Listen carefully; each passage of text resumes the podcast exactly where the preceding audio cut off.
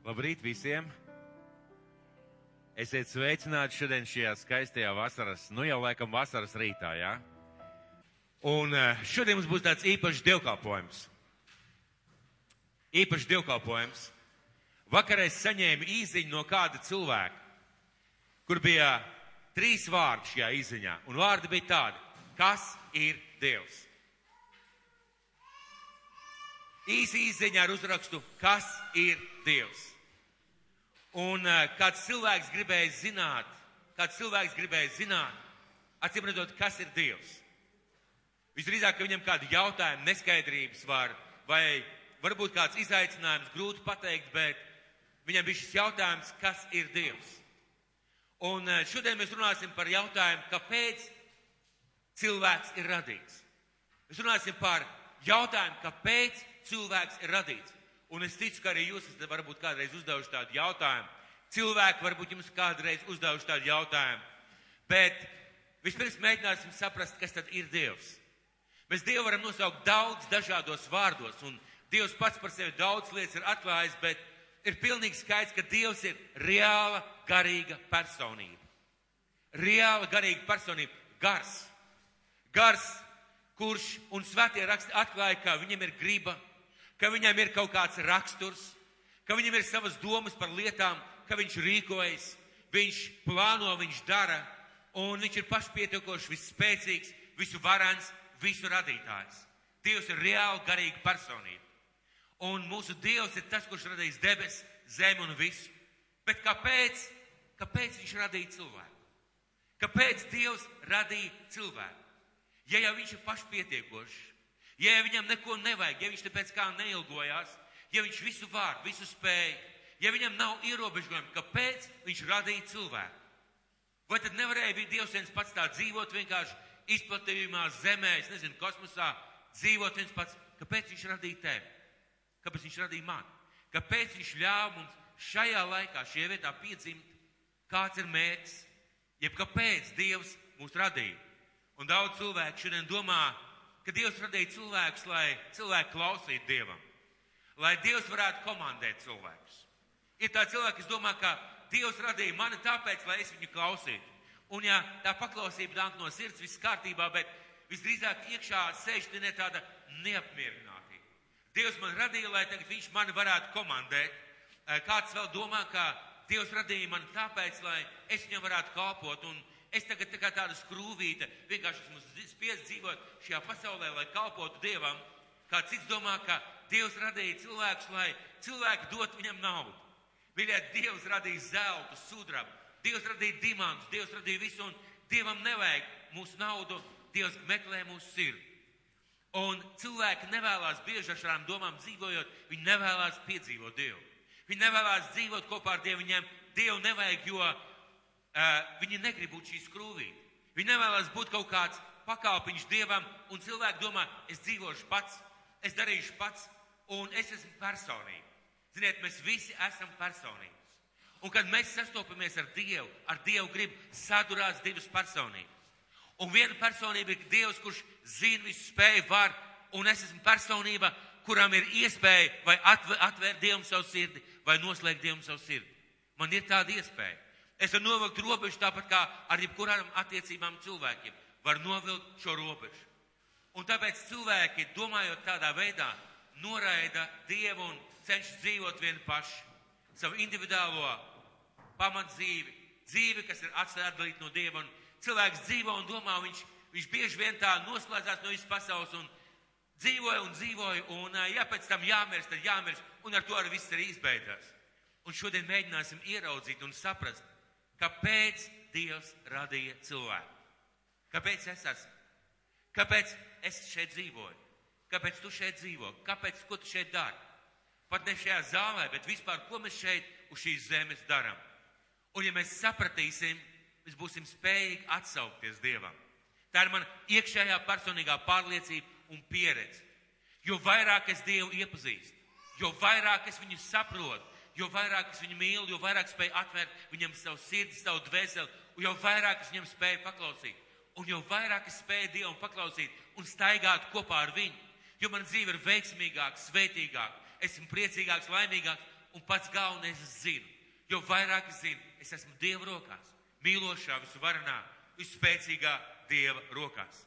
Un svētie raksti saka, ka Dievs radīja cilvēku. Un paskatīsimies šodien, kā Dievs radīja pirmo cilvēku. Un pirmajā mūzes grāmatā, 26. nodaļā, eh, pirmā mūzes grāmata, pirmā nodaļa, 26, 28 rakstīts, tad Dievs sacīja, darīsim cilvēku pēc mūsu tēla, pēc mūsu līdzības, lai tas valda pār zivīm jūrā un pār lopiem, pār putniem apakš debes, pār visu zemi un visiem rāpuļiem, kas rāpo zemes virsū. Un Dievs radīja cilvēku pēc sava tēla un līdzības. Pēc sava tēla viņš to radīja, vīrieti un sievieti radīja. Un Dievs to svētīja un sacīja viņiem. Augļojieties un vairojieties, piepildiet zemi, pakļaujiet sev to un valdiet pār zivīm jūrā un putniem gaisā un visiem dzīvniekiem, kas rāpo pa zemi. Dievs radīja cilvēku pēc sava tēla un līdzības. Paturiet šo, šo frāzi vērā, jo mēs runāsim nedaudz vēlāk par to, kāds ir Dievs. Ja Dievs radīja cilvēku pēc sava tēla līdzības, tas nozīmē, ka mūsos ir ļoti daudz līdzības ar Dievu. Un pati centrālā lieta, jeb centrālā doma, par ko iet runa, par to, ka Dievs ir mīlošs. Un viņš mūs radīja kā mīlošs un radīja priekš mīlestības un Dievs viņus svētīja. Tas nozīmē, ka Dievs deva veiksmu izdošanos visās lietās un visās gaitās. Un Dievs mīlestībā darīja tos cilvēkiem. Un nedaudz par Dievu pašu.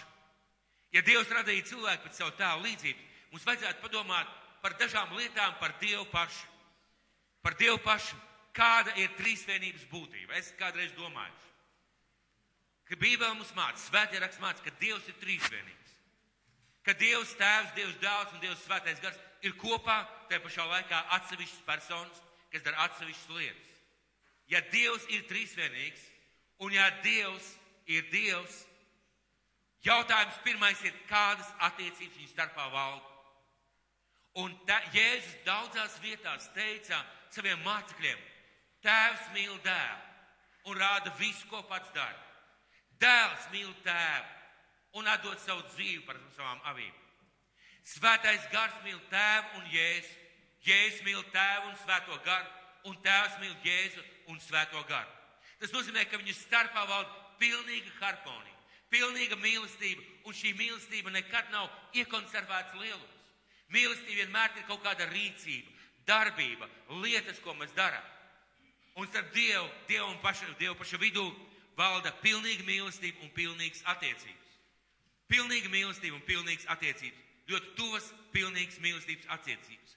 Un ja mēs tagad domājam par to, ka Dievs radīja cilvēku pēc tēla un līdzības, tad ne jau fiziskā veidā. Jā, protams, mēs domājam, mēs atceram dzēju, mēs gleznojam, mēs radām projektus, mēs darām kaut kādas lietas savā dzīvē. Jā, tas viss ir no Dieva, dzīvnieki to nedara. Bet ir kāda lieta, par ko šodien būtu vērts domāt un runāt. Ja Dievs, Dievu pašu vidū un Dieva savā, Dievam savā starpā, starp šiem trīs personām valda pilnīgi saskaņa un mīlestība, un mīlestības pilnas attiecības. Tas nozīmē, ka šī lieta pārgāja cilvēku. Ka tā bija pirmā lieta, ko Dievs ielika cilvēkā. Šo vēlmi, šīs ilgas mīlēt un tapt mīlēt. Mīlēt un tapt mīlēt. Tas nozīmē, ka Dievs radīja cilvēku attiecībām. Ja viņu pašu starpā ir mīlestības pilnas attiecības, pilnīga saskaņa, tas nozīmē, ka Dievs cilvēku radīja šīm attiecībām. Un nevis vienkārši, lai kā kaut kādu mazo pabērnu vai, ziniet, mazbērnu vai kādu malā atstumto, nē, lai cilvēks būtu pilnīgā saskaņā ar Dievu, pilnīgā saskaņā un pilnīgās mīlestības attiecībās. Mēs zinām, ka Dievs ir mīlestība. Mīlestība nav Dievs, bet Dievs ir mīlestība. Un kādā veidā Dievs to ir pateicis, Bībelē teikts, ka svētajos rakstos teikts, ka Dievs pats par sevi saka, Dievs ir mīlestība. Tas nozīmē, ka Dievs tik ļoti mīl, ka viņš ir pilnīgi saplūdis ar mīlestību. Un mīlestība un Dievs varētu teikt kaut kas līdzīgs, jeb sinonīms. Dievs ir mīlestība. Un, ziniet, mīlestība ir kāda interesanta lieta. Mīlestība ir kāda lieta, ko nevar ierobežot. Mīlestība izplatās. Mīlestība ir tendēta. Tā ir viņas būtība, tā ir viņas daba - izplatīties. pārskart citu cilvēku dzīves, piepildīt citus cilvēku dzīves, un mīlestība tā nav, kad es sēžu savās mājās, un mīlestību nevar ielikt burciņā. Viņu nevar ielikt burciņā un paskatīties caur stiklu. Mīlestībai ir tendence izplatīties un izplēsties tālāk un dalīties. Dalīties savā starpā, dalīties ar tām lietām, kas ir šajā mīlestībā un piepildīt apkārt. Tas nozīmē, ka Dievs radīja cilvēku, lai dalītos ar viņu šajā mīlestībā. Dzirdi mani? Dievs radīja cilvēku. Nevis vienkārši attiecībām, nevis vienkārši, lai tu kalpo, nevis vienkārši, lai tu klausītu, nevis vienkārši, bet lai tu dzīvot šajās attiecībās.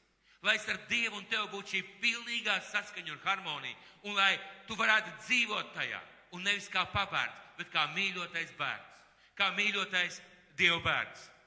Mēs zinām, mēs jau tikko runājām, ka Dievs ir pašpietiekošs. Dievam nevajag maizi, Dievam nevajag gaisu, viņam nevajag elpot, viņam nevajag ēst, viņam nevajag dzert, viņam nevajag, lai kādas rokas viņu apkalpot, viņam nekā nevajag. Un Dievs bez mums cilvēkiem pilnīgi mierīgi varēja iztikt. Dievam nevajadzēja mūs kā kaut kādus instrumentus, viņš bez mums pilnībā varēja iztikt. Bet, ziniet, viņš izvēlējās nedzīvot bez cilvēkiem. Viņš izvēlējās nedzīvot bez Dieva bērniem. Tieši tāpat kā mēs savās ģimenēs. Tieši tāpat kā mēs savās ģimenēs. Mēs bez saviem bērniem varam izdzīvot, pareizi? Es bez saviem bērniem pilnīgi mierīgi fiziski varu izdzīvot. Fiziski var izdzīvot bez bērniem, viņi bez mums nevar, mēs bez viņiem varam. Mēs varam nopelnīt savu maizi, uzturēt jumti virs galvas, samaksāt nodokļus. Mēs to visu varam. Bet, ziniet, tas bērns vēl nav piedzimis. Tev iekšā jau ir mīlestība uz viņu. Un mēs izvēlamies dzīvot ar saviem bērniem. Tā ir mūsu izvēle. Mēs gribam dzīvot ar saviem bērniem. Un tieši tāpat Dievs, viņš varēja, bet viņš izvēlējās radīt cilvēkus kā savus bērnus šiem mīlestības pilnajām attiecībām. Tā bija Dieva izvēle. Un līdzīgi arī mēs.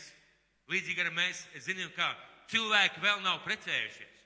Cilvēki vēl nav, nav laulībā. Cilvēkiem vēl nav piedzimuši bērni, bet viņi jau kaut kur zemapzinā iekšā domā, kāds būs tas bērniņš, kā es viņu nesāšu, kā es viņu auklēšu, kā es viņam teikšu, mans mīļais bumbulīts, mans mīļais zaķīts. Un nevajag to mācīties. Māmām to nevajag mācīties. Tas nāk tik dabiski no iekšienes. Kāpēc? Jo Dievs to ir ielicis mūsos iekšā. Un Dievs tieši tāpat skatās uz mani, uz tevi, kā uz savu mīļoto bērnu. Tieši tāpat. Un mēs zinām, ka Dievs radīja cilvēku. Dievs ielika cilvēku ēdienas dārzā un pateica, dzīvojiet tur. Un mēs zinām, ka Bībele atklāja, ka Dievs staigāja ar cilvēku šajā pēnā, sarunājās, viņam bija fantastisks attiecības. Un tālāk sako stāsts, kas visu samaisa un visu izjauc. Cilvēks sagrēkoja. Un eh, šajā ēdienas dārzā bija divi koki. Ļauna laba atzīšanas koks un dzīvības koks.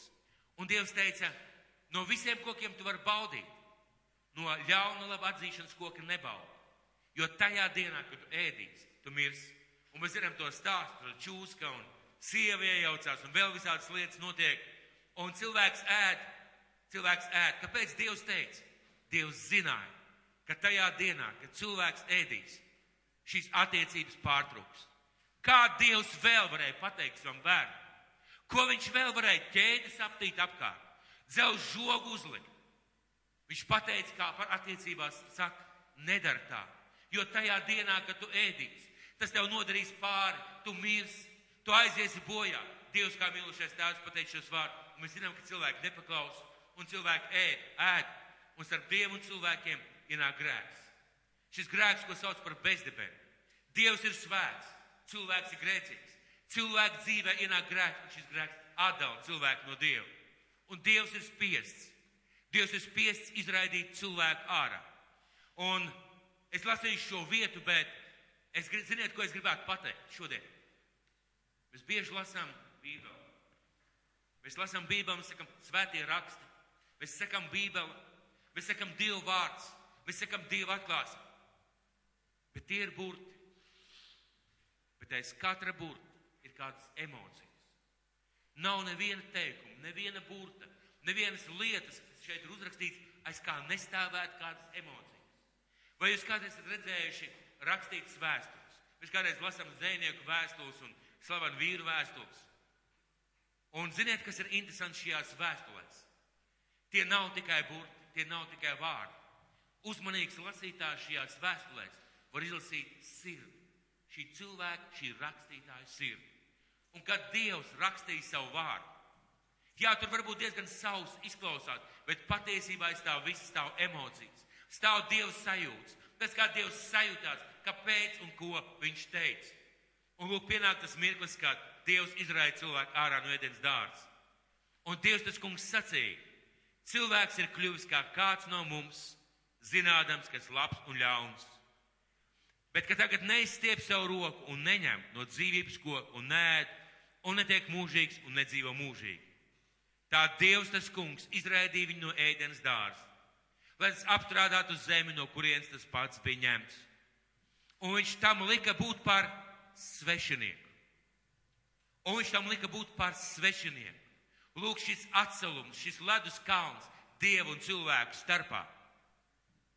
Un ķerbiem ir atvērsta zobena liesma, lika apsargāt, ap, apmesties austrumos no ēdienas dārza lai tie apsargātu ceļu uz dzīvības koku.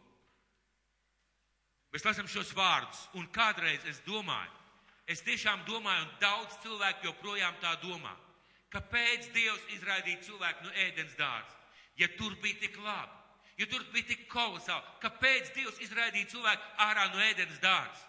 Un kad mēs lasām šo vietu, mums zīmējās tāda bilde, ka Dievs noskaities sarkans gandrīz vai drēbis plēsdams, kliedz un saka, ārā, vācies ārā, es negribu tevi redzēt. Mums ir tāds sajūta, ka Dievs sadusmojies un izdzen cilvēku ārā. Bet patiesībā, ko šī vieta atklāja? Šī vieta atklāja, ka tajā mirklī, kad Dievs bija spiests izraidīt cilvēku ārā, salūza viņa sirds.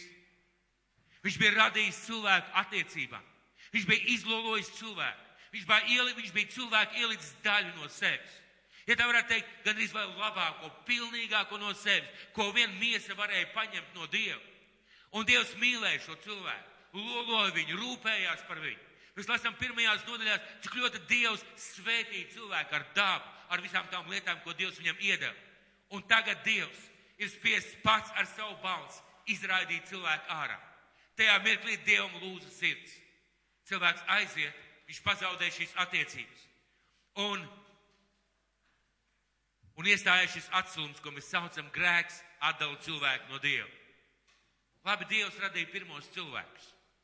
Dievs izraidīja pirmos cilvēkus ārā un cilvēki turpināja vairoties šīs zemes. Bet, bet kāpēc es dzīvoju šodien? Kāpēc es šeit dzīvoju? Ko es daru šeit? Kāpēc esmu šajā pasaulē? Dievu klātbūt izbeidzās priekš tiem cilvēkiem. Priekš daudziem no viņiem Dievu klātbūt izbeidzās. Bet mīlestība nebeidzās. Bet mīlestība nebeidzās.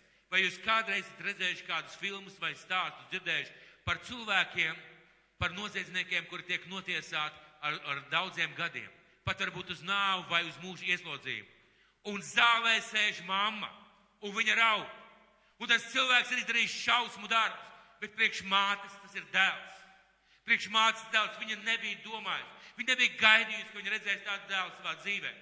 Viņi nebija domājuši, ka viņi būs piedzīvos to mirkli, kad dēls iesēdinās varbūt uz mūžu cietumā. Un tas ir viņas dēls. Un lai ko šis cilvēks būtu izdarījis, māte viņu mīl. Un lai ko šis cilvēks būtu sastrādājis, šī māte viņu gaida atpakaļ.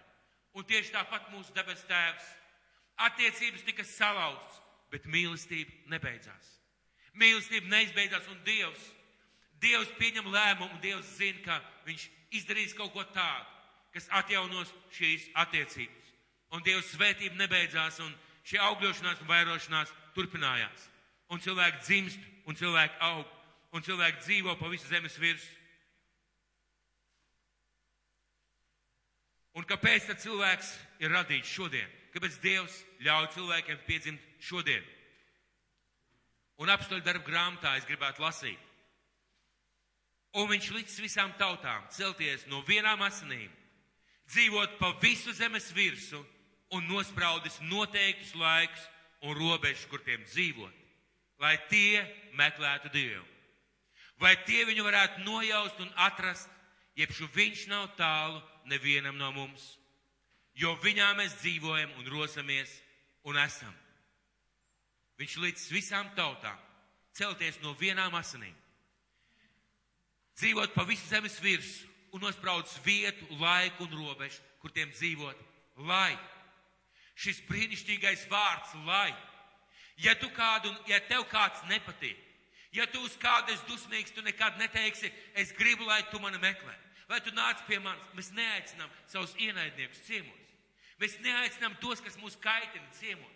Mēs neaicinām pie sevis tos, mums, kas mums nepatīk. Mēs aicinām tos, kas mums ir dārgi, kas mums ir vērtīgi, ar kuriem mēs gribam būt kopā. Un Dievs šajā vietā saka, ka Viņš ļauj jebkuram cilvēkam piedzimt uz šīs zemes. Viņš ļauj jebkuram cilvēkam nākt, un viņš nosaka laiku un vietu, kur cilvēkam piedzimt. Un zini, tu neesi nejaušība šajā vietā. Tu piedzimi Latvijā, šajā laikā, šajā gadā, tajā gadā, kurā tu piedzimi. Tu šeit esi tāpēc, ka Dievs ļāva tev piedzimt, ka Dievs gribēja, lai tu piedzimst ar vienu mērķi, lai tu meklētu Dievu. Un kad cilvēks piedzimst, ar pirmajiem soļiem die, cilvēks sāk meklēt laimi. Cilvēks sāk meklēt laimi, un daudz meklē laimi izglītībā. Daudz meklē laimi naudā. Daudz meklē laimi atpūtā, daudz meklē laimi realizēt sevi savā dzīvē. Bet visas šīs lietas, ko cilvēks meklē, tajā mirklī, kad viņš saņem, ja kad viņš piedzīvo, izrādās kā mirāža. Vai jūs kādreiz ūdenī esat skatījies, esat skatījies ūdenī, kādā vanniņā, bļodā, es nezinu, ūdens upē vai dīķī? Jūs tur kaut ko varat redzēt, savu atspogu, pareizi. Un jums liekas tik vienkārši pieskaršos, paņemšu to onkulu vai tanti vai to jauno cilvēku, vienkārši pasmelšu saujā. Un tajā brīdī, kad jūs paņemat to, kas ir ūdens, viņš jums iztek caur pirkstiem. Un tieši tāpat arī cilvēks savā dzīvē. Viņi cenās pēc kaut kā, viņi ilgojas pēc kaut kā. Viņam liekas, ka to es sasniegšu, es būšu laimīgs. Rezultāts tāds, ka viņš ir sasniedzis. Un šī laimes sajūta, kā mirāžu vienkārši izgaist. Kāpēc? Jo laime ir Dieva. Laime ir kopā ar Dievu. Un tie cilvēki, kuriem varbūt nav tik daudz, kā mums ir varbūt vienam otram. Un tie cilvēki, kuriem nav varbūt tā, par ko pēc kā visa pasaule dzenās. Bieži vien cilvēki, kuri atraduši Dievu, šīs tuvās attiecības ar Dievu, viņi ir laimīgi. Jo viņiem pieder tas, kāpēc Dievs radīja cilvēkus. Ja Dievs cilvēkus radīja priekš attiecībām, tu būsi laimīgs un varbūt pilnībā laimīgs tikai tad, kad tev ir attiecības ar Dievu. Un kas ir interesanti? Dievs radīja cilvēku ar ļoti plašu dvēseli. Tur ir vieta dzējai, tur ir vieta mīlestībai, tur ir vieta dusmām, ilgām sapņiem, tur ir vieta skumjām, dažādām lietām bet pāri par visām ir kāda vieta, ko ne ar ko nevar aizpildīt. Ne ar televizoriem, ne ar labu ģimeni, ne ar labu izglītību, ne ar brīnišķīgiem panākumiem tavā dzīvē, ne ar lieliskiem bērniem. Tā ir vieta, kur jābūt šīm attiecībām ar Dievu. Vieta, kur jābūt Dievam. Un lai kā censtos to aizbāzt, lai kā tu censtos to aizbāzt, to nevar aizbāzt. Jo tikai, tā, tikai tas cilvēks kļūst patiešām laimīgs, kurš piedzīvo Dievu, savā dzīvē. Un, kad mēs piedzīv, piedzimstam, mēs sākam meklēt šo laimi. Un tad, kad mēs atrodam Dievu, mēs pēkšņi saprotam, lūk, kāpēc es dzīvoju, lūk, kāpēc es elpoju, lūk, kāpēc es esmu šajā pasaulē, lai dzīvotu kopā ar Dievu, lai būtu viņa mīļotais bērns, lai dzīvotu tajās svētībās, ko Viņš man dod, šajās mīlestības pilnajās un svētītajās attiecībās. Bet kā atrast Dievu? Kā atrast Dievu, jeb atgriezties pie Dieva klēpī? Kā atrast Dievu, kā atrast, atrast, atgriezties šajā klēpī? Un eh, ļoti daudz no mums ir dzirdējuši šo teikumu. Bieži vien šo bībeles vietu citē. Un pat neticīgi cilvēki viņu zina. Jo tik ļoti Dievs mīlēja pasauli, ka viņš sūtīja savu vienpiedzimušo dēlu, lai neviens, kas viņam tic, nepazustu, bet iemantot, jeb iegūtu mūžīgo dzīvību.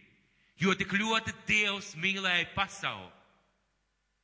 Dievs mīlēja pasauli, Dievs mīlēja cilvēkus. Un, ja tu mīli, tev nevajag atpakaļ kalpu, tev nevajag atpakaļ klausītāju, tev nevajag atpakaļ skrūvīt. Ja tu mīli kādu, tev vajag pašu to personību atpakaļ. Un Dievs sūta savu dēlu, lai atgrieztu cilvēks atpakaļ šajās mīlestības pilnajās attiecībās. Kad Dievs dēls kad tēvs pazaudēja savus bērnus, viņš nolēma sūtīt savu dēlu. Un viņš atsūta savu dēlu. un dēls kļūst par starpnieku starp Dievu un cilvēkiem. Dievam nevajag kalpus, kas ar piespiestis ir kalpo. Dievam nevajag tos, kas viņam ziedo. Dievam nevajag vienkārši paklausīgus cilvēku. Dievam vajag cilvēka sirdi.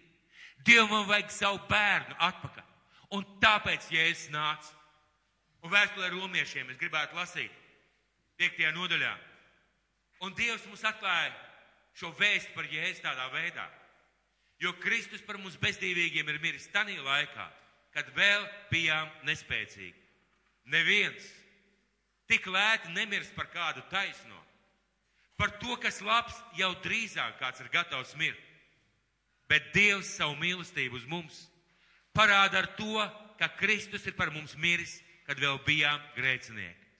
Jo vairāk tagad, taisnoti ar viņa asinīm, caur viņu tiksim izglābt no dusmības, jo ja mēs, kas bijām naidā ar Dievu, tikām salīdzināti ar viņu viņa dēla nāvē, cik daudz vairāk salīdzināt, būdami, tiksim izglābti viņa dzīvībā. Un ja es teicu, esmu durvis, kas ved pie tēva. Šeit esmu durvis, kas ved pie tēva. Un ko tēvs gaida? Tēvs negaida pa šīm durvīm ienāks kalpi. Tēvs negaida pa šīm durvīm ienāks pazemīgi vergi. Dievs negaida pa šīm, ka šīm, pa šīm durvīm ienāks ziedotāji vai kalpotāji. Dievs gaida, ka pa šīm durvīm ienāks viņa dēli un viņa meitas. Un viņš tāpēc sūtīja savu dēlu. Un tāpēc, ja es nomiru šausmīgā navē un samaksāju, lai pa šīm durvīm ienāk viņa dēlu un viņa meitas. Un ja es teicu, esmu ceļš, patiesība un dzīvība. Neviens netiek pie tēva, kā vien caur mani. Bet ko pie tēva darīt? Ko pie tēva darīt? Ja man atklās mīra, esmu tikai skrūvīti, esmu tikai instruments Dieva rokās, esmu tikai Dieva darbarīgs, esmu Dieva plānu piepildītājs. Protams, ka man negribas. Protams, ka man nevajag. Protams, ka es bēgšu no Dieva. Bet es saprotu, ka tur aiz tām durvīm stāv mans mīlošais tēvs, mūžīgais, visspēcīgais, varnais Dievs, kurš deva man elpu, dzīvību, kurš ļāva man piedzimt viena iemesla dēļ, lai viņš varētu būt kā, kopā ar mani. Viņš varēja bez manis Jāņa pilnīgi mierīgi dzīvot. Pilnīgi mierīgi dzīvot. Ne viņam, kas pietrūkt, ne viņam kā vajadzētu. Viņš varēja bez tevis mierīgi dzīvot. Bez tevis gin, bez tevis indu, bez tevis arķom. Viņš varēja mierīgi bez mums visiem dzīvot. Bet, ziniet, viņš izvēlējās nedzīvot bez mums. Tā bija viņa izvēle - nedzīvot bez saviem bērniem. Tā bija viņa izvēle - nedzīvot bez saviem bērniem. Un kad grēks nolaupīja viņa bērnus viņam, viņš sūta savu dēlu, lai viņa dēls samaksā par mūsu grēkiem, izpērk mūs no šī grēka, un lai šīs durvis ir atvērtas. Lai šīs durvis ir atvērtas, un ziniet, mīļie draugi, šodien ļoti daudz cilvēku grib uz debesīm. Šodien ļoti daudz cilvēku grib uz debesīm. Es negribu uz debesīm. Es gribu pie tēva. Es negribu uz debesīm vienkārši tāpēc, ka tās ir debesis. Es gribu pie tēva. Es gribu uz to vietu, kur viņš ir. Es gribu viņu redzēt, piedzīvot, un es gribu staigāt jau šeit, uz šīs zemes. Un Dievs to ir darījis. Un kādā veidā, kādā veidā mēs varam piedzīvot Dievu? Kādā veidā mēs varam atdot viņam savu dzīvi? Kādā veidā mēs varam ieiet pa šīm durvīm, kuras kuras ir Jēzus Kristus. Un vēstulē romiešiem teikt tādu vārdu. Jo ja tu ar savu muti apliecināsi Jēzu par kungu un savā sirdī ticēsi, ka Dievs viņu uzmodinājis no miroņiem, tu tiksi izglābts. Jo ar sirds ticību panākama taisnība un ar mutes liecību pestīšana. Jo raksti saka, neviens, kas uz viņu paļaujas, nepaliks kaunā tu tiksi izglābts. Priekš kā? Kāpēc? No kā? No kā es tikšu izglābts? Priekš kā es tikšu izglābts? Vai vienkārši debesīs kalpotu Dievam? Vai strādājot šeit uz zemes, strādātu vēl debesīs? Daudz cilvēku tā domā, un tāpēc viņi vairās no Dieva, un tāpēc viņi bēg no Dieva. Mēs būsim debesīs tāpēc, lai būtu kopā ar personību, kurš neskatās uz mūsu vājībām, neskatās uz mūsu dīvainībām uz mūsu īpatnībām, uz to, ka man nav nodzīta bārda vai varbūt nav tik skaista frizūra, uz to, ka varbūt es neesmu tik veiksmīgi, tik izdevies un neesmu tik superīgs cilvēks, bet viņš skatās uz mani. Un viņš redz mani Kristu pilnīgu.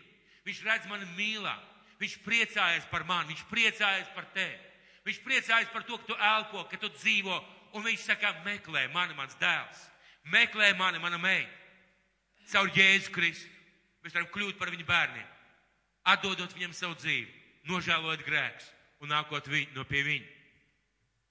Un ir tāda glezna, ko sauc par pasaules gaišumu. Šī glezna, nemaldos, tika uzgleznota 18. gadsimtā.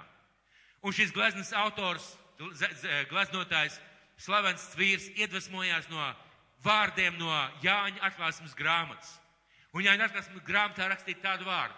Es stāvu pie durvīm un klaudzinu. Es stāvu pie durvīm un klaudzinu. Ja kas manu balsi dzird un atdara, es iešu pie tā un ņemšu māju vietu. Šis gleznotājs uzgleznoja šo gleznu, un šī glezna pašā sākumā izpelnījās asu kritiku.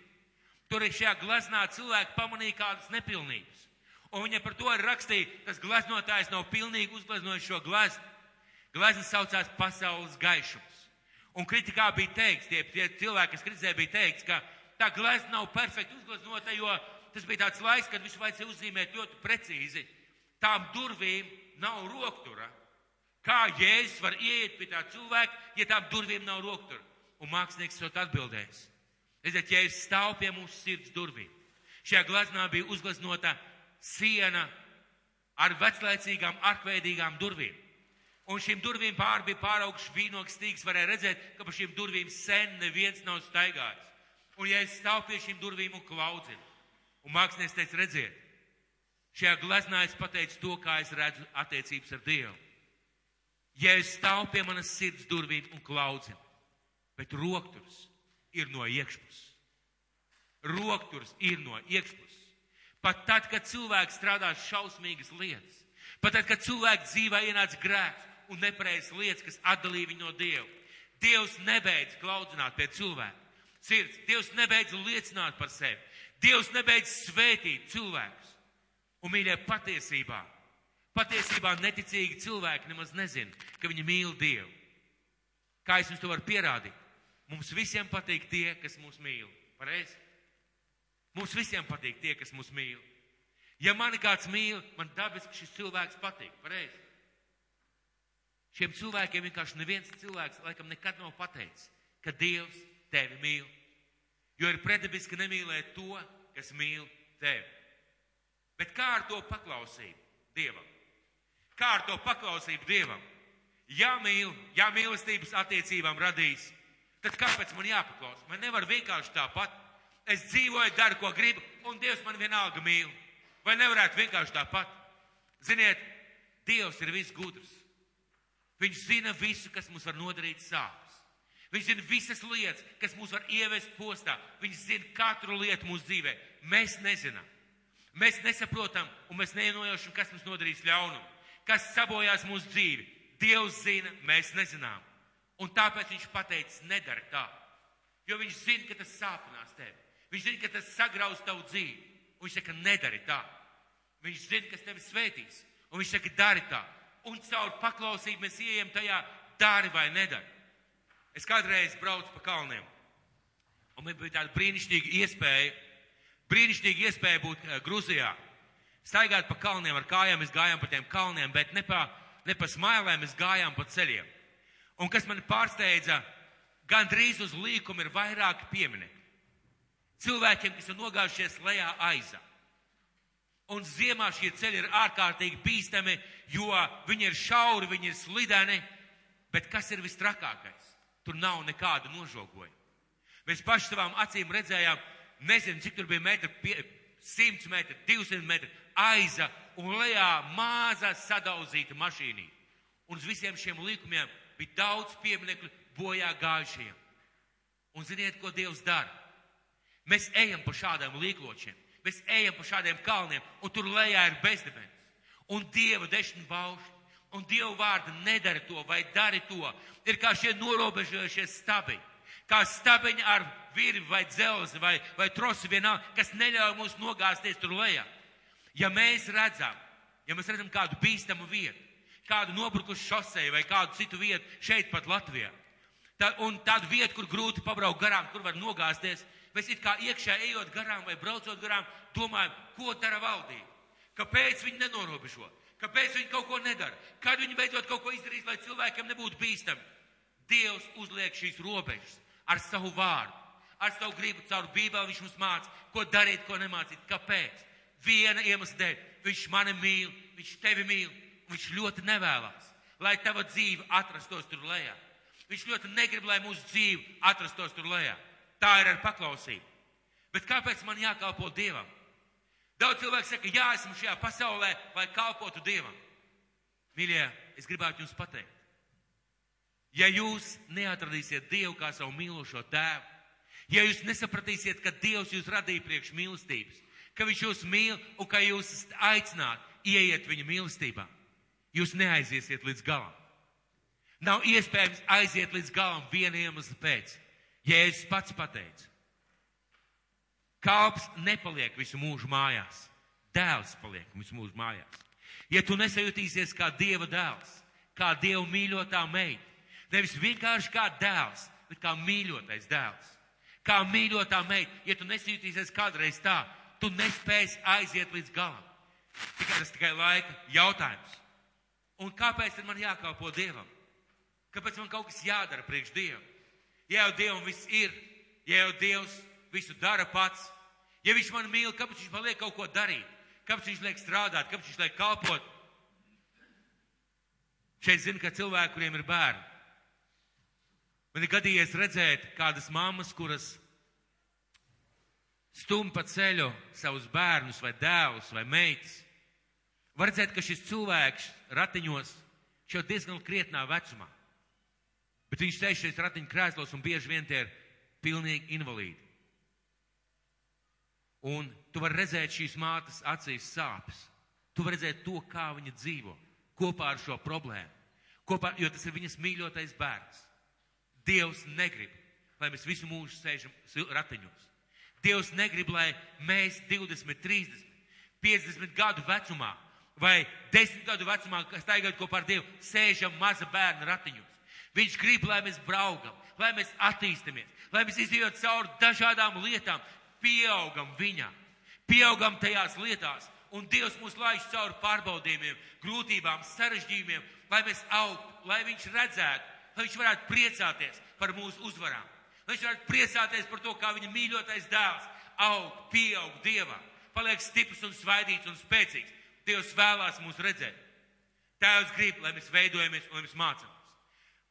Un bieži vien caur grūtībām, bieži vien caur dažādām lietām, kur Dievs saka, kalpojiet. Vai kādam ir bijis tāds piedzīvojums, kā tēvs vai māte mācīja braukt ar velosipēdu? Šodien daudz no mums māk braukt ar velosipēdu, gan arī visi, vai vismaz visi, ja, ja veselība atļauj. Bet vai jūs atceraties tos pirmos soļus? Un likās, kāpēc man tēvs liek braukt ar velosipēdu? Man it kā gribētos, bet vai nevar tā? Es vienkārši uzsēžos un uzreiz māku. Kāpēc, kāpēc vajadzīgs tā, ka viņš man iestumj, un tad man jāmin, un tad man jākrīt atkal uz degunu? Un tas ir diezgan sāpīgi, pareizi. Bet, ziniet, mūsu tēvi, viņi gribēja redzēt, ka mēs, ka mēs braucam ar velosipēdu. Cik daudziem no jums tēvs turēja roku apakšā, kad jūs mācījāties peldēt? Ir kāda tāda, kur mācījās peldēt, un tēvs turēja ro roku apakšā? Ir kāda tāda, pareizi. Un tad vienā mirklī tēvs paņem roku nost un liekas, kāda netaisnība, kāpēc man te jāko jāķeprojās, bet rezultāts bija kāds, jo mūsu tēvi un vecāki gribēja mūs redzēt eh, pieaugušus, gribēja redzēt, kā mēs peldam, gribēja redzēt, kā mēs izbaudām ūdeni, un viņi mūs laida cauri šīm lietām, ļauj darīt kādas lietas. Pirmā klasa, es vairs neatceros savu pirmo klasi, bet vienu gan es atceros, kad es sāku iet uz skolu, tas bija pirmās klases, varbūt, nezinu, otrā, trešā, ceturtā vai piektā diena diezgan skumīgi, pareizi. Pirmajā klasē tu aizēji, mamma līdzi, viss ir kārtībā. Bet kā 5, 6, 7 diena mēs gājām ar kājām, skola nebija tālu. Mamma pabaro iedeva pusdienas, pateica, labi dēliņ, lai tev šodien laba skolas diena. Un tu tagad te uz skolu domā, kāpēc? Kāpēc man jāiet uz skolu? Mājās bija tik labi. Vai atcerieties pirmos eksāmenus, pirmos pārbaudījumus? Traki pareizi. Traki pareizi. Un mājas darbi. Un kāpēc tie mājas darbi vajadzīgi? Un kāpēc jāmokās? Viena iemesls. Vecāki un skolotāji gribēja redzēt, kā mēs augam, ka mēs iemācāmies rakstīt, ka mēs iemācāmies lasīt, ka mēs iemācāmies nostāties uz savām kājām, un mūsu debes tēvs tieši tāpats. Un kā tad mēs iemācāmies nostāties? Kā mēs augam Dievā un attiecībās ar cilvēkiem? Darot kaut ko. Un tieši tāpēc Dievs saka, dari kaut ko. Es aicinu tev kalpot, es aicinu tev darīt, lai tu pats augtu. Iemesls viens. Es tevi mīlu un es gribu redzēt, kā tu caur šīm grūtībām, caur šīm lietām pieaudz un veidojies kā cilvēks, kurš ir svētīts savā dzīvē. Un ko Dievs mums ir sagatavojis? Mūžību. Bībelē saka, ka Dievs mums ir sagatavojis mūžību. Un kā cilvēks saka, mūžībā būs tik garlaicīgi. Es jau šeit nezinu, ko ar savu dzīvi darīt. Ko es darīšu mūžībā? Tad man te ir jautājums, tiešām, ja tu šeit nezini, ko ar savu dzīvi darīt, ko tu darīsi mūžībā? Iedomājies, tu esi pie Dieva kopā ar Kristu. Paiet 50 gadi un tu dzīvo.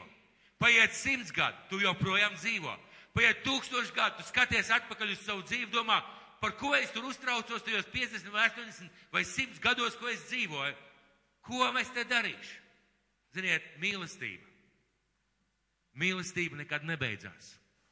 Un mīlestības pilnas attiecības vienmēr ir interesants, vienmēr ir svētījušas, vienmēr ir auglīgs un ražīgs. Es nezinu, ko mēs tur darīsim. Es nezinu, kā mēs tur rīkosimies ar dažādas idejas un dažādas skaidrojumus. Vienu gan es zinu, vienu gan es zinu. Tas būs brīnišķīgs laiks. Un kamā? Mīlot Dievu un dzīvojiet Dieva mīlestībā. Jo kas notiks?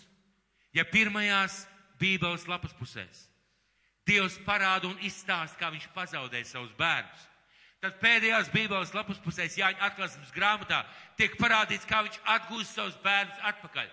Šis ēdenes dārs atgriežas uz zemi. Mēs dzīvojam tajā, staigājam kopā ar Kristu staigājam kopā ar Dievu, redzam viņu vaigu vaigā. Bet šīs attiecības var būt arī šeit uz zemes. Jā, mēs viņu neredzam fiziski. Mēs nevaram piedzīvot to, ka mēs viņam varam pieskarties, aptaustīt. Droši vien, ka mūžībā mēs to varēsim. Bet šeit un tagad mēs varam dzīvot šajās attiecībās. Mēs varam dzīvot un staigāt šajās attiecībās. Un pēc tam arī mūžībā. Kā atgriezties šajās attiecībās? Kā tikt pāri šim, šim, kā tikt pāri šim bezdebenim? Kā tikt pāri tam, kas mūs šķir no Dieva? Un ir tik daudz cilvēku, kas domā, kā es varu tikt atpakaļ pie Dieva? Kas man ir jāizdara, lai Dievs mani mīlētu? Kas man ir jāziedo vai jāizdara, lai Dievs pieņemtu mani? Un zini, ko Dievs saka? Tev nevajag neko izdarīt. Tev nevajag neko samaksāt. Par tevi jau ir samaksāts. Tas, kas tev ir jāizdara, tev ir jānotic, ka Jēzus Kristus ir Dieva dēls un tev ir jānotic, ka Dievs tevi mīl. Un ja tev liekas, katru reizi, kad Dievs paskatās uz mani, viņš ir dusmīgs, vai vīlies mani, vai liekas, kur es tādu radīju, tā nav taisnība. Katru reizi, kad Dievs paskatās uz tevi, zini, ko viņš redz? Viņš redz savu meitu. Viņš redz savu dēlu. Viņš redz to, kādēļ viņš dzīvo. Priekš mums cilvēki. Viņš redz to, kas ir aizgājis tālumā, kuru viņš vēlās vest pie sevis atpakaļ. Viņš redz tevi, viņš priecājas par tevi, un viņš vēlās, viņš vēlās tevi saukt atpakaļ. Un ne uzreiz mūžībā, bet viņš vēlās tevi saukt atpakaļ šajās mīlestības pilnajās un prieku patiesības pilnajās attiecībās. Kā atgriezties šajās attiecībās? Caur Jēzu Kristu ticot, ka Jēzus ir Dieva dēls un ka viņš nomira par maniem grēkiem. Atgriežoties no grēkiem, tas nozīmē izsūdzot savus grēkus un nožēlojot. Un pieņemot Jēzu par savu kungu un savu glābēju. Un tālāk kristoties, slēdzot ar viņu derību ūdens kristībās. Un kas ir pirmais solis? Kas ir tas pirmais solis, kas mani vēd tuvāk Dievam? Tu jau esi spēris pirmo soli, ja tu esi šeit. Tu jau esi spēris pirmo soli, ja tu, ja tu esi šeit. Tu esi atnācis šo vietu, lai piedzīvotu Dievu. Un es ticu, ka Viņš runā uz tevi. Bet ko izdarīt? Jebko darīt, ja tu esi aizgājis prom no Dieva? Jebko darīt, ja tavā dzīvē nav Dieva šajā mirklī? Un Bībele saka ļoti skaidri. Jēzus ar saviem rakstiem saka ļoti skaidri. Jo ja tu ar savu muti apliecināsi Jēzu par kungu un savā sirdī ticēsi, ka Dievs viņu no miroņiem ir uzmodinājis no miroņiem, tu tiksi izglābts. Jo ar sirds ticību panākama taisnība un ar mutes liecību pestīšana. Jo raksti saka, neviens, kas uz viņu paļaujas, nepaliks kaunā. Jo raksti saka, neviens, kas uz viņu paļaujas, nepaliks kaunā. Un Dievs, Dievs ļoti vēlās, lai visi cilvēki šajā pasaulē piedzīvotu Dievu. Viņš sūtīja savu dēlu, savu vienīgo dēlu. Viņš bija spiests noskatīties, kā par viņu smējās. Viņš bija spiests noskatīties, kā par viņu ņirgājās, kā viņu piesit Golgātā pie krusta, kā viņš tur nosiņo un nosmok, kā viņš mirst cilvēku acu priekšā. Viena iemesla dēļ, jo viņš redzēja tevi un mani. Viņš redzēja manu dzīvi. Viņš redzēja tavu dzīvi, un viņš gribēja, lai tu atgrieztos pie viņa atpakaļ. Viņš gribēja, lai tu, kristiet, dzīvot šajās attiecībās. Lai tu nedomātu, ka Dievs tevi aicinājis tikai kalpot, tikai būt par instrumentu, tikai būt par skrūvīti. Nē, Dievs tā nevēlējās. Dievs tā nevēlējās. Viņš vēlējās, lai tu saproti. Viņš tev mīl un mīl tev tādu, kāds tu esi. Bet ko mums vajag darīt? Mums vajag nākt pie viņa un teikt, Tēvs, es atgriežos tavās mājās. Kādā, kādā vietā Jēzus stāsta līdzību. Mēs visi, visi zinām šo līdzību, to sauc par līdzību par pazudušo dēlu. Un šajā līdzībā ir kādas interesantas lietas. Kad šis dēls ir aizgājis pasaulē, saņēmis mantojumu, visu izšķēris, viņš nāk pie atziņas, viņš saka, cik gan algāģi no manam tēvam, un visi ir pēdi. Es celšos kājās, iešu atpakaļ pie sava tēva un teikšu, tēvs, pieņem man par kalpu, es neesmu cienīgs būt par dēlu, tavu dēlu, pieņem man par, kaut, par tavu kalpu. Viņš ceļās kājās un dodas atpakaļ. Jēzus stāv šo līdzību un rakstīts, ka dēls bija vēl tālu. Tēvs redzēja dēlu no tālu. Dēls, tēvs skrien pretīm savam dēlam, apkāpj skūpsta, samīļo, un dēls saka, tēvs, es neesmu cienīgs būt par tavu dēlu. Piedod, esmu grēkojis pret debesīm, pret tevi. Un ziniet, kas notiek? Ir ļoti interesanti šī vieta. Kad viņš bija tālu, viņš teica, es griezīšos atpakaļ un teikšu, pieņem man par vienu no saviem algāģiem. Bet, kad viņš satiek tēvu, viņš te netiek tālāk. Viņš, te, viņš pasaka tikai vārdus, piedod man, esmu grēkojis pret debesīm un zemi. Un tajā vietā tēvs viņu satiek. Tajā vietā tēvs viņu pārtrauc. Un viņš saka, tu esi mans dēls, tu esi atgriezies, dodiet gredzenu, dodiet drēbes, nokaujiet šo baroto teļu, svinēsim un priecāsimies. Lūk, kāpēc Dievs mūs radīja. Lūk, kāpēc Dievs mūs radīja. Lai mēs dzīvotu mīlestības pilnās attiecības ar viņu. Lai mēs kalpotu tāpēc viņam, ka mēs viņu mīlam un gribam viņu iepriecināt. Lai mēs darītu Dievs darbus tāpēc, ka mēs gribam būt Dieva instrumenti, lai Dievs var glābt citus cilvēkus. Lūk, kāpēc mēs klausām viņam, jo mēs ticam un paļaujamies. Dievs zina manu dzīvi. Zin, viņš zina vislabāk, kas man der un kas man nedara. Un es vienkārši paklausot, varu dzīvot šajā svētībā.